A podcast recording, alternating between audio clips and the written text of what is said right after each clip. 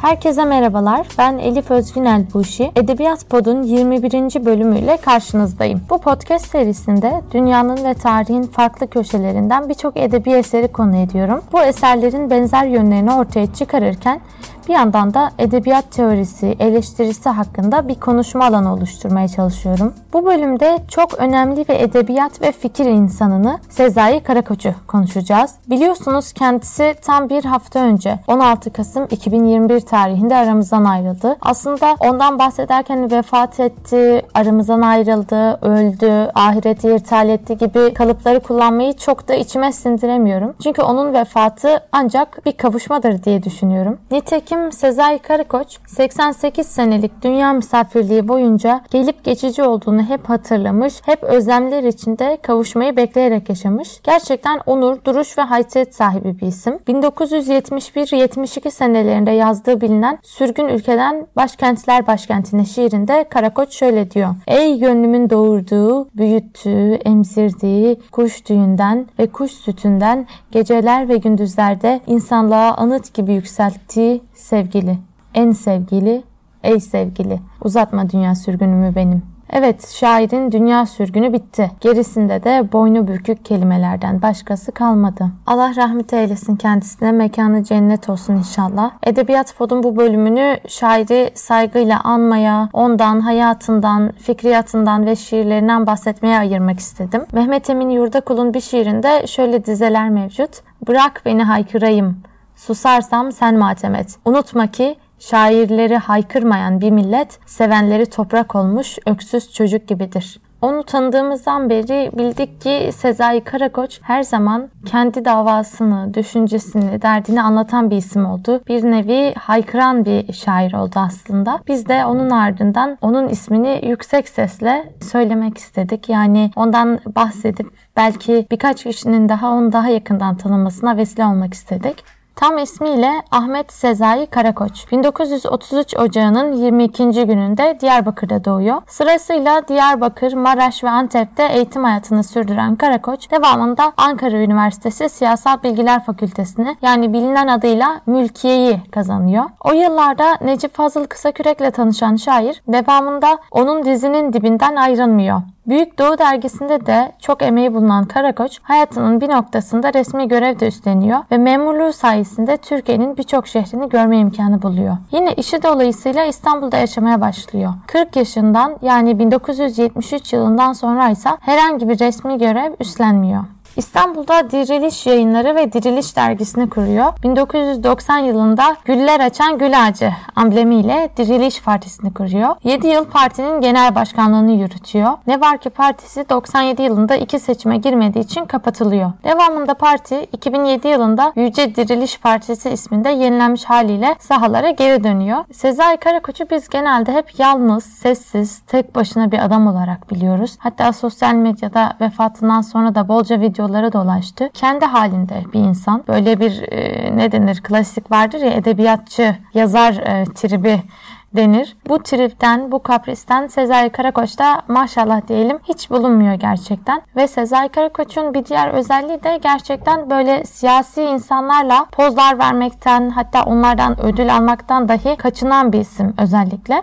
2006'da Kültür Bakanlığı özel ödülüyle ödüllendirildiğinde ödülü almaya gitmemiş. Bunun yerine ödülün para kısmının kültür sanat işlerinde harcanmasını istediğini söyleyen bir mektup yazmış. Bu minvalde onun bir siyasi parti açması birçoğumuza garip gelebilir. İşte bu noktada hatırlamamız ve bilmiyorsak da öğrenmemiz gereken şey Sezai Karakoç'un sadece başarılı bir şairi değil, aynı zamanda Türkiye tarihinin en önemli fikir insanlarından biri olduğu. Sezai Karakoç, diriliş kavramını merkeze aldığı düşün düşünce dünyasında adeta yeni bir dünya modeli yaratmış. Her detayını düşünerek savunduğu fikri anlatmış. Ben de dahil birçok gencin onu ilk olarak bir fikir adamı olarak tanıdığını ancak sonra şiirlerini öğrendiğini de söylesem abes kaçmaz. Zira eğer sizi belli kaygılarla büyüten bir aileden geliyorsanız hani liseye başladığınızda veya belki ortaokulun son yıllarında mutlaka Diriliş Nesli'nin Amentüs'ünü okumuşsunuzdur. Devam eden yıllarda da eminim ki girdiğiniz ortamlar vesilesiyle size Sezai Karakoç'un onlarca kitabını okumuş ve arkadaşlarınıza hediye etmişsinizdir. Fikir ve edebiyat kol kola gezen iki dost olsalar da bizim podcastimizde her zaman edebiyat daha önemli ve ayrıcalıklı. Ee, bu yüzden Karakoç şiirine geri dönmemiz gerekiyor. Karakoç'un poetikası nasıldı? Şiir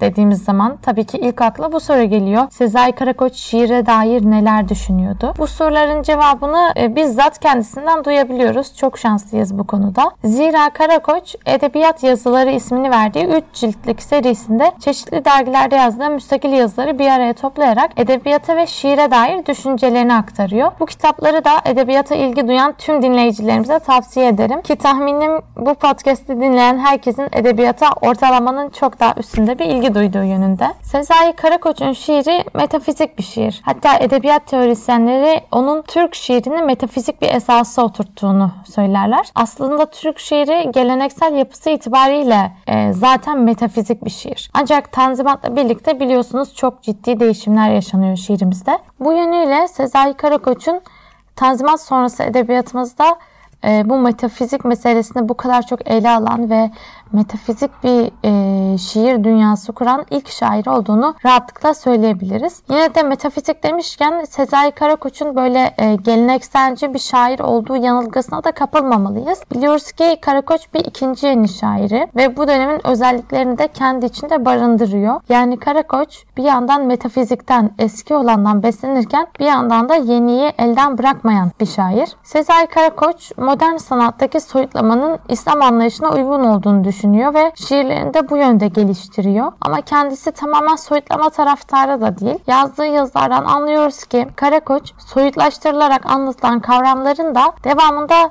tekrar somutlaştırılması yani bir bağlama oturtulması gerektiğini düşünüyor. Yani şiir hakkında konuşurken hep dedik ki şununla şununla ilgileniyor ama tam da öyle değil. Ama tam da böyle değil. Yani sürekli Sezai Karakoç aslında şiire kendi sesini veren bir şair. Bu sonuca rahatlıkla ulaşabiliyoruz. Tüm bu hikayenin sonucunda ben Sezai Karakoç'un birçok temayı ve türü harmanlayarak kendi sesini bulduğunu ve özgün eserler ortaya koyduğunu düşünüyorum. Birkaç şiirinden örnek vermeden önce Sezai Karakoç'un fikir yazılarının yanında piyes kitaplarının, çeviri şiirlerinin, hikayelerinin, inceleme kitaplarının ve bir de röportaj kitabının da olduğunu söylemeliyim. Tamamı Diriliş yayınlarından çıkmış 52 kitabı var. Bu 52 kitaba e, birçok satış noktasından, internetten rahatlıkla ulaşabilirsiniz. Yani ben tabii biraz önce onun hem bir fikir adamı hem de bir şair olduğunu söyledim ama bu eserlerden bahsettikten sonra artık sadece fikir adamı ve şair e, başlıklarının yetersiz olduğunu görüyorum görüyoruz. Bunun yanında piyes yazarı, işte şiir çevirmeni e,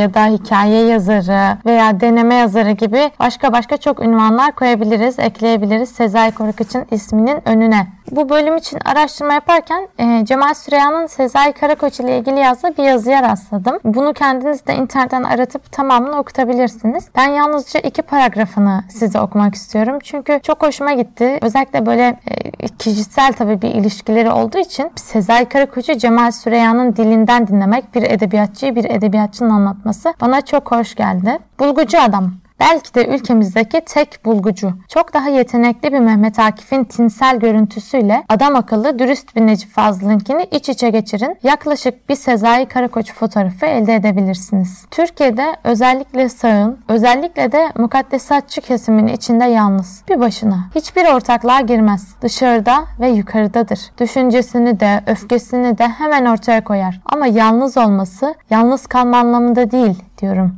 Yapısı öyle. Evet Cemal Süreyan yazdıkları böyleydi. Diğer okurları nasıl tanıyor peki Sezai Karakoç'u diye düşündüm podcast hazırlarken. Fark ettim ki Türkiye'de Sezai Karakoç okurlarının geneli onu Mona Rosa şiiriyle tanıyor. Aslında kendisi bu şiire çok da önem vermemiş. Hatta uzun yıllar şiiri kitaplarına dahi almamış. Ama hem çok güzel ve başarılı bir şiir olması hem de içinde gizem barındırması yani hakkında çok söylenti olması dolayısıyla yıllar boyu Mona Rosa hep okunan, ezber ezberlenen bir şiir oldu. Her cenahtan, her tarz insan tarafından Mona Rosa şiiri hep çok beğenildi. Bu noktada belki de Sezai Karakoç'un eserleri arasında okurlar arasında en ortak zemini oluşturan şiirin Mona Rosa olduğunu söyleyebiliriz. Tabii ki ben bu podcast'te Mona Rosa'yı okumayacağım. Ben bunun yerine köşe şiirinin üçüncü kısmını okuyacağım sizlere. Köşe şiiri uzun bir şiir. Hepsini almadım bu yüzden. Köşe 3. Sen geldin ve benim deli köşemde durdun. Bulutlar geldi ve üstünde durdu. Merhametin ta kendisiydi gözlerin. Merhamet, saçlarını ıslatan sessiz bir yağmurdu. Bulutlar geldi altında durduk. Konuştun, güneşi hatırlıyordum. Gariptin, yepyeni bir sesin vardı. Bu ses öyle benim, öyle yabancı. Bu ses saçlarımı ıslatan sessiz bir kardı. Dişlerin öpülen çocuk yüzleri, güneşe açılan küçük aynalar. Sert içkiler, keskin kokular dişlerin, içinden geçilen küçük aynalar. Ve güldün, rengarenk yağmurlar yağdı. İnsanı ağlatan yağmurlar yağdı. Yaralı bir ceylan gözleri kadar sıcak, yaralı bir ceylan kalbi gibi içli bir sesin vardı. Sen geldin, benim deli köşemde durdun. Bulutlar geldi, üstünde durdu. Merhametin ta kendisiydi gözlerin.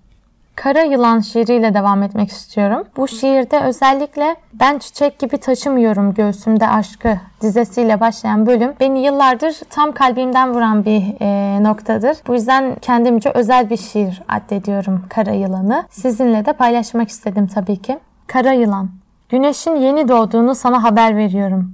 Yağmurun hafifliğini, toprağın ağırlığını ve bütün varlığımla kara yılan seni çağırıyorum. Seni çağırıyorum parmaklarımdan süt içmeye. Pamuğun ağırlığını yapan dağın hafifliğini sana haber veriyorum. Yeni doğduğunu güneşin. Ben güneyli çocuk arkadaşım. Ben güneyli çocuk. Günahlarım kadar ömrüm vardır. Ağarmayan saçımı güneşe tutuyorum. Saçlarımı acının elinde unutuyorum. Parmaklarımdan süt içmeye çağırıyorum seni. Ben güneyli çocuk arkadaşım. Ben güneyli çocuk. Ben çiçek gibi taşımıyorum göğsümde aşkı. Ben aşkı göğsümde kurşun gibi taşıyorum. Gelmişim, dayanmışım demir kapısına sevdanın. Ben yaşamıyor gibi, yaşamıyor gibi yaşıyorum. Ben aşkı göğsümde kurşun gibi taşıyorum. Seni süt içmeye çağırıyorum parmaklarımdan. Kara yılan, kara yılan, kara yılan, kara yılan.